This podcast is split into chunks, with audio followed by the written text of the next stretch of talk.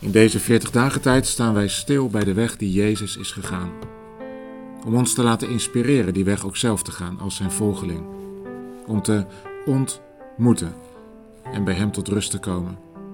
En om te leren ons op die weg opnieuw te verbinden met elkaar en met onze medemens.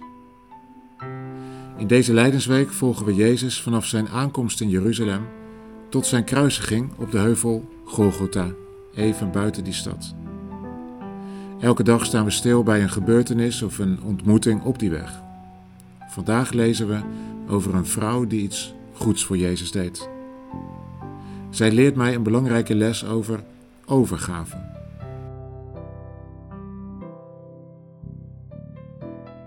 Ik lees jullie voor. Matthäus 26, vers 6 tot 13. Toen Jezus in Bethanië in het huis van Simon, degene die aan huidvraat had geleden, aanlag voor een maaltijd, kwam er een vrouw naar hem toe. Zij had een albasten flesje met zeer kostbare olie bij zich en goot die uit over Jezus hoofd. De leerlingen ergerden zich toen ze dit zagen en ze zeiden: Wat een verspilling! Die olie had toch duur verkocht kunnen worden? Dan hadden we het geld aan de armen kunnen geven. Maar Jezus hoorde het en zei: Waarom vallen jullie deze vrouw lastig? Zij heeft iets goeds voor mij gedaan. Want de armen zijn altijd bij jullie, maar ik zal niet altijd bij jullie zijn. Door die olie over mij uit te gieten, heeft ze mijn lichaam voorbereid op het graf. Ik verzeker jullie, waar ook ter wereld het goede nieuws verkondigd zal worden, zal ter herinnering aan haar verteld worden wat zij heeft gedaan.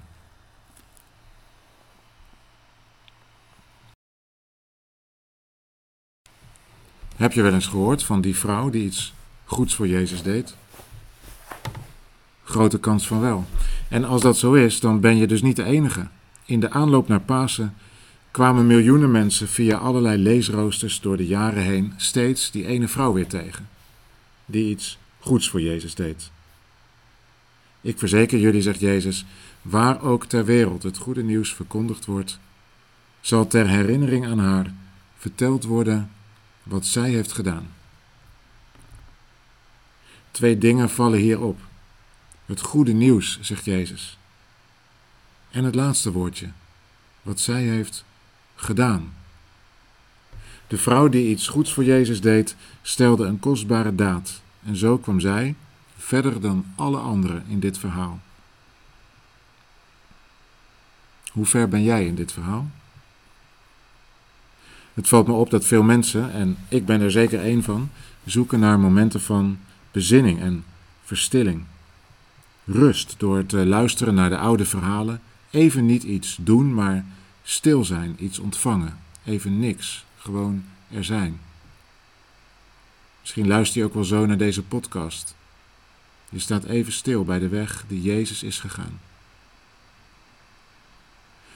Toen ook ik er weer eens goed voor ging zitten, ontdekte ik dat er eigenlijk heel weinig rust zit in de verhalen over de weg die Jezus ging. Zijn aankomst in Jeruzalem maakte juist onrustig, bracht massa's mensen op de been. De verkopers op het tempelplein hebben het geweten en nu deze vrouw, de vrouw die iets goeds voor Jezus deed. Ook zij ging er niet eens even goed voor zitten om tot rust te komen. Zij deed iets en zij gaf zich over.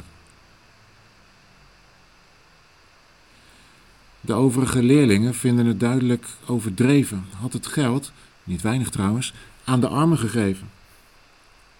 Maar de leerlingen zijn niet echt met hun hart bij de armen en dus ook niet bij Jezus. Ze vinden het gewoon overdreven gedoe. Deze vrouw gaat over de top, ze is hysterisch en onbegrijpelijk hoe Jezus zoiets laat gebeuren. Met dure olie zalft Maria Jezus. En tenslotte, zo vertelt Johannes het, droogt Maria zijn voeten met haar haren.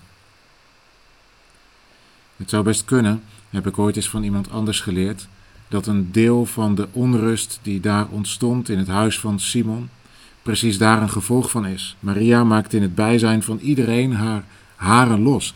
Het is haar coming out. Maria laat zien wie haar grote liefde is. Terwijl bij Jezus en bij de anderen bij Petrus en bij de anderen het kwartje pas later zou vallen Heeft Maria al door wie Jezus is? Laat haar. Ze doet dit voor de dag van mijn begrafenis, zegt Jezus. Die begrafenis, het goede nieuws.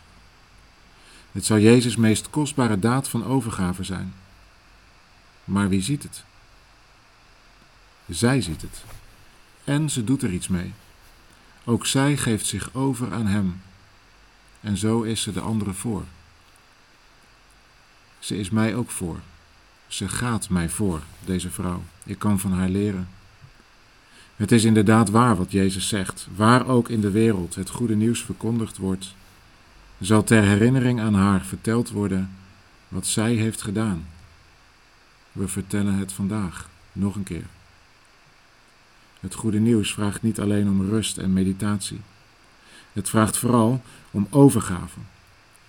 Jezus gaf zich over. Wat geef ik van mezelf aan Hem?